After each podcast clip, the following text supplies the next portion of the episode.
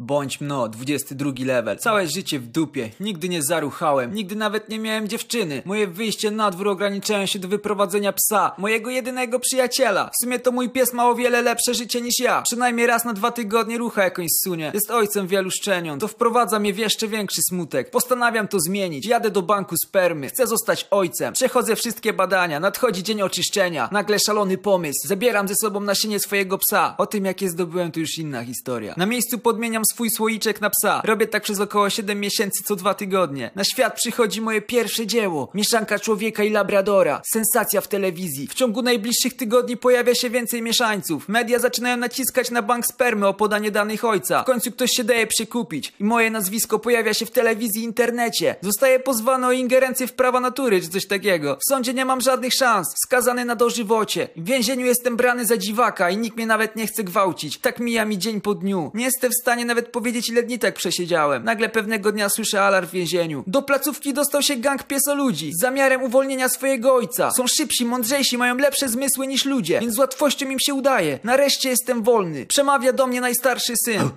Jakie rozkazy? Dobrze wiem, że ludzka rasa jest słaba i nie ma dla niej przyszłości. Rozpoczynam anarchię. Porywamy kobiety, które są zapładniane przez moich potomków, zapewniając przetrwanie. Obalamy rząd. Przejmujemy wojsko. Po kilku latach generacja szybko rozwijających się piesoludzi opanowuje niemal całą planetę. Garstka ocalałych odlatuje w kosmos, szukając ratunku. Staje się przywódcą planety psów. Dalej nie zaruchałem, a świat schodzi na psy.